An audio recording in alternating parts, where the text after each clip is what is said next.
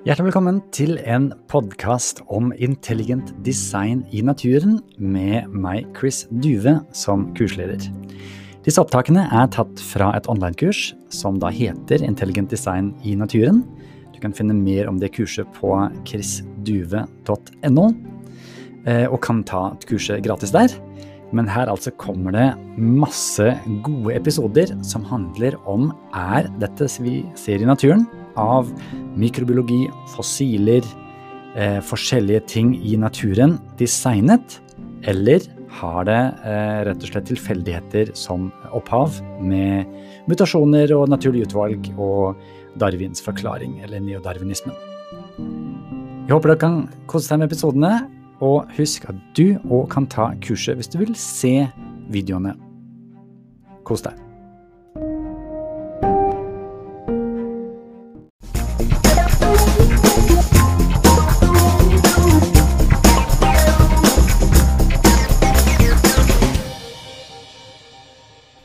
Dere, velkommen til modul 1. Takk for det. Det blir kjekt, Marte. Em, nå skal det handle om evolusjon. Litt sånn standardgreie fra egentlig skolebøkene, lærebøkene. Ok. Du husker kanskje litt? Jeg husker jo lite grann, men eh, jeg trenger nok litt oppfriskning. Det kan flere trenge. Ja. Men du, Chris, jeg har med meg en sånn biologibok her. Yes, Biologi BI i Gyldendal. Yes, fra Gyldendal undervisning. Mm -hmm. um, og her fant jeg et sitat Ja. helt i starten, hvor under 'Hva er evolusjon?' Og så står det Ingenting i biologien gir mening, unntatt i lys av evolusjonen. Ja, og du kan si jeg er for evolusjon. Mm -hmm. Jeg tenker at eh, Darwin var en veldig smart vitenskapsmann. Han fant ut noe Egentlig så bygde han på noe som bestefar hans eh, lærte han, faktisk. Ja. Um, og det er mye bra der, men det er også noen ting som faktisk er Ja, noen stiller spørsmål til. Forskere. Og Ja. hele verden, faktisk. Vi skal høre om 1000 eh, og pluss som tenker annerledes. Men, så du sier at noen stiller spørsmål til det? Ja. Fordi da, Her står det eh, under revolusjon om revolusjon så står det i dag er det ingen seriøse naturvitenskapelige miljøer som benekter evolusjon. Benekte er jo litt et vrient ord å bruke, egentlig, for det, det betyr at du ikke får lov til å tenke kritisk lenger. Så Ja. det skal vi faktisk se på litt, for det er seriøse forskningsmiljøer som stiller spørsmål om dette her. Det er det. Ok, Spennende. Og så har jeg en ting til. Jaha, Eh, litt sånn, eh, For jeg, jeg er kristen. riktig? Eh, og så lurer jeg litt på om, liksom, eh, om dette gjelder meg. Evolusjonsteorien skaper fortsatt stor konflikt i religiøse mi miljøer, bl.a. i de store religionene kristendom og islam. Burde det her skape konflikt i meg? Burde det? Burde det ikke? Altså du kan si, Nå har jo du tatt minikurset, Ja. og da har du lært at verden starta en gang. Det Mhm. betyr at noen har starta verden. Det betyr at uh, det fins et vesen som er ansvarlig for hele greia, som de fleste vil kalle for Gud. Så detaljene om hvordan den personen, uh, Gud, Mm. har gjort ting, er jo egentlig ikke avgjørende for om han fins eller ikke. Så sånn sett trenger ikke å skape trøbbel for din tro. Nei. Samtidig så er det sånn at uh, når vi ser på virkeligheten, så er jo det et vitnesbyrd om hvem denne guden er, hva han har gjort, tenker jeg. Men evolusjon er altså i utgangspunktet noe som noen kristne tror på, og noen ikke. Men vi skal se på hvor mye den evolusjonsteorien som blir beskrevet i lærebøkene om mikro- og makrorevolusjon, stemmer med virkeligheten. Er det noen som er kritiske? Det skal vi finne ut i denne modulen. Lykke til, og kos dere. Kult. Hei, det er Chris her, og jeg ønsker deg hjertelig velkommen til denne første undervisningsvideoen, leksjon 1 i modul 1.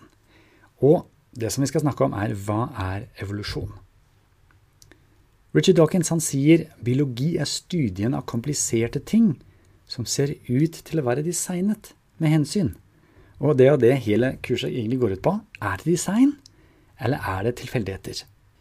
I denne leksjonen skal du lære hva lærebøkene sier om evolusjon. Vi skal ha mikroevolusjon og makroevolusjon. Vi skal snakke om er evolusjon en teori, eller hvordan har det seg? Fins det forskere eller forskning som ikke støtter evolusjon? Hva sier evolusjonsteorien? Og på eh, naturfag.no så leser vi altså om det som bildet viser fra NOVA 8. Evolusjon handler om livets utvikling på jorda, og det er om hvordan alle planter og dyr stammer fra disse første cellene som levde for noen milliarder år siden. Og dette går gradvis. Nova 8 sier også at utviklingen på jorda det er slik at tidligere så var folk overbevist om at hver art på jorda var skapt av en gud for noen tusen år siden. Eh, det er ikke riktig at folk tenkte det. Noen gjorde kanskje det, men la oss nå eh, la dem tvilen komme dem til gode, og at artene ikke hadde endret seg. Det er fra grekerne. I dag vet vi at det har vært liv her i fire milliarder år. Her er det en animasjonsfilm fra Tech Insider som begynner med livets begynnelse og de første cellene. Så går det raskt videre via små levedyr til etter hvert fisker, til etter hvert fisk som begynner å krype på land, amfibier. Så blir det etter hvert pattedyr, til slutt aper, og helt til slutt mennesker. I denne biologiboken av Gyldendal da får vi på en måte livets tre, som begynner med at jorden dannes, og så blir det liv, og så er det Homo sapiens øverst. Darwin selv han sa at en generell lov som fikk frem alt organisk liv, er dette. Multipliser med variasjon, la den sterkeste leve og den svakeste dø. Og Det er i hans berømte bok som kom ut i 1859, 'Artenes opprinnelse'. NRK skole forklarer dette på følgende måte. Alt liv på jorda er i slekt. Vi mennesker vi er i slekt med alle de andre livsformene rundt oss. Charles Darwin. Han er kjent som evolusjonsbiologiens far. Charles Darwin levde fra 1809 til 1882. Darwin møtte mye motstand da han ga ut boka om artenes opprinnelse. Ei bok som har hatt stor påvirkning på all moderne tenkning helt frem til vår egen tid. Her står det altså at livet oppsto, og så utviklet seg. Utviklet seg fortsatt. Og så er det nye typer organismer som eh, blir til. Og her ser du selv at det er ganske mange ting som går inn i et sånt bredt evolusjonsbegrep. Derfor er det litt lurt, og det gjør bøkene også, og deler opp i mikroevolusjon og makroevolusjon. En god definisjon fra Store norske leksikon det er denne at det er en endring av den genetiske sammensetning i én populasjon, f.eks. i finker, eh, som da får større eller mindre nebb, eller utvikling av nye typer levende organismer, f.eks. arter eller slekter over tid, altså makroevolusjon. Som et eksempel på mikroevolusjon har vi harer, som da kan utvikle hvit pels. Her har du finkene, som får større eller mindre nebb, noen vil da si at dette er makro, men de kan fortsatt pare seg. Det er fortsatt samme art, veldig mange av de i alle fall. Og de har funnet ut i senere tid at nebbet blir større, og så blir det mindre, og så blir det større igjen. Så det bare endrer seg litt eh, over tid, men så endrer det seg tilbake. Et annet eksempel vil være bikkjer, som eh, blir til mange forskjellige. Og de kan fortsatt pares. Du kan pare en coyote med en ulv, eller en chihuahua med en bulldog. Eh, så det er fortsatt samme art, men små forandringer. Kråker som da eh, er andre steder og utvikler seg bitte litt i fargeforskjell f.eks., det mikro som etter hvert også blir beskrevet som makro, for da får du en ny art, men de er fortsatt nokså like. Makroevolusjon, derimot, det er altså da dette livets tre, hvor du ser at eh, det er store forandringer fra f.eks. Eh, en fisk til da et landgående dyr. Darwin's theory of biological evolution tells us that all life on Earth may have originated from a single, relatively simple reproducing creature living in the distant past. Mikro er altså innenfor en art, og kanskje så vidt det er forskjellige arter. Makro er i alle fall nye arter, ny slekt, slag, familier og orden. Det er noen gråsoner her. Og nå skal vi høre hvordan Ray Comfort intervjuer noen professorer i USA, som også forvirrer dette med kind, altså slag, og arter species. Vær så god. Darwin said there'd be a change of kinds over many years. So could you give me one example? Okay, I would point to, as one great example, is look at the genetics of the stickleback. What's that? Uh, so stickleback fish are a very interesting collection of species that were recently isolated after the end of the ice age. What did they become? They're, they're various species of sticklebacks. They stayed as fish. Well, of course. You asked me to tell you when I've watched one species evolve into another, isn't that right? No, one kind into another. There's 14, is it 14 different definitions of species? So I want a change of kind. When you're talking about kinds or change in families, you're, you're actually talking about, about macroevolution. You're talking about um, uh, changes on the level uh, that separate, say, cats from dogs. So could you give me any examples of Darwinian evolution? Well, uh, when you say examples of that, then you have to sort of look at over a longer time frame. Could you give me one instance? Yes, we have an example from a group of birds called Darwin's finches. What do the finches become? They become genetically new and anatomically new, recognizably different So species. they're still finches? Well, of course, they're still finches, yes. they're not a change of, there's no change of kind. Det store norske leksikon definerer utviklingslæren med at hvordan livet på jorda har utviklet seg, og mekanismene som driver denne utviklingen, for et eller annet må jo skje for at ting skal skje. Og da er det altså disse mekanismene, f.eks. genflyt, altså at det er foreldre får barn som er litt annerledes enn de sjøl, variasjon ved paring. Genetisk drift, som er en tilfeldig endring i genene.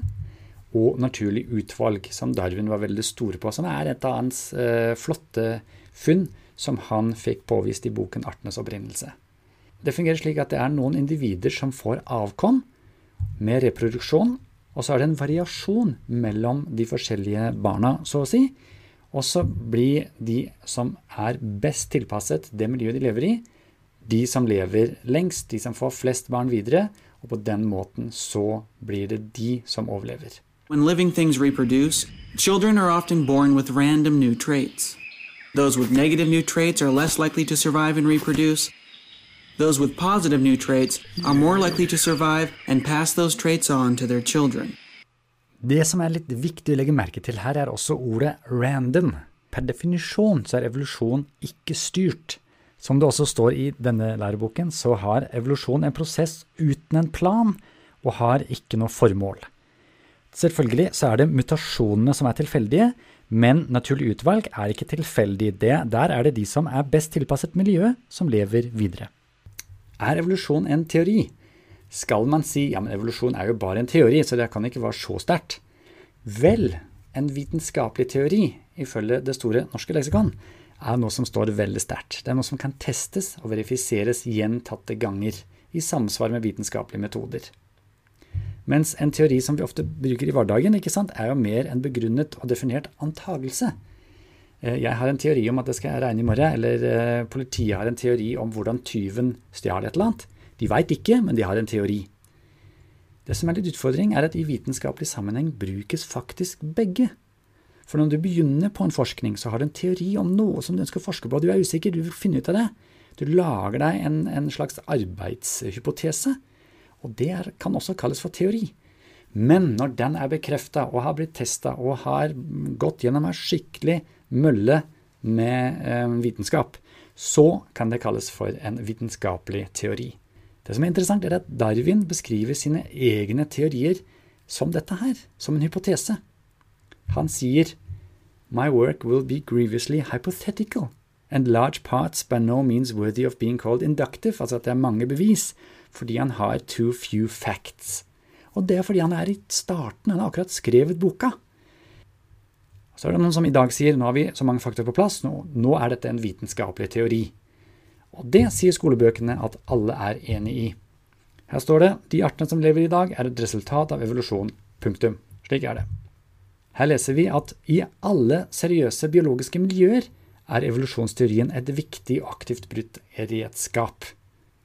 Alle seriøse biologiske fagmiljøer støtter evolusjon. Det betyr ikke at alle er enig, men at evolusjonen, og da er det makroevolusjon det er snakk om, for det er milepæler i evolusjonen, at det skjer, er de, eller alle seriøse miljøer, enige om, står det her i Gyldendal sin bok og i Bios 2. I dag er det ingen seriøse naturvitenskapelige miljøer som benekter evolusjonen. Her er det snakken også om makroevolusjon. Og det kan jeg røpe med en gang er ikke sant. Her er det noen som eh, har samlet litt på de som eh, ikke er enige. Og det er nå blitt eh, over året over 1000 forskere, menn og damer med doktorgrad i forskjellige felt, som sier we are skeptical of the claims of the ability of random mutation and natural selection to account for the complexity of life. Altså det som vi ser i dag, det får ikke disse darwinske mekanismene til, sier de. I 2016 så var det eh, en stor konferanse i Royal Society i London. Og der var det diskutert evolusjon. Hva gjør vi? Eh, vi kan ikke forklare grunnleggende ting med det som vi har per i dag. We need a revision of the standard theory of evolution. Mer om det i neste video. Men i denne leksjonen så har du altså lært at evolusjon ifølge lærebøkene er utvikling over tid. Fra ikke-liv til den første cella til alt som fins i dag. Forandring over tid. Du har lært at mikroevolusjon er forandringer innen en art, som da kan bli til en ny art. Makro, det er nye, forskjellige arter, nye dyreslag, familier og ordener. Evolusjonsteori kan man si ja. Anbefaler ikke å si at evolusjon er bare en teori, før du i hvert fall har definert hva du mener med det. Si gjerne litt om det Darwin sa selv, men det er mange som mener at evolusjon er en vitenskapelig teori i dag, og det er dette som er temaet, dette, dette vi ønsker å finne ut av. Men det er i hvert fall uenighet i makroevolusjon, og om disse dervinistiske mekanismene kan få til det vi ser i dag. Nå er det tid for action. Nå skal du få lov til å enten printe ut det oppgavearket, eller tenke deg en samtale med noen som du kanskje har i nærheten. Hva ville du svart om noen sa 'hva er evolusjon'? Forklar gjerne mikro- og makroevolusjon. Bør man si evolusjon er bare en teori, eller hvorfor bør man ikke si det? Og fins det noen seriøse forskere som utfordrer makroevolusjon? Dette klarer du, og så ses vi i neste leksjon.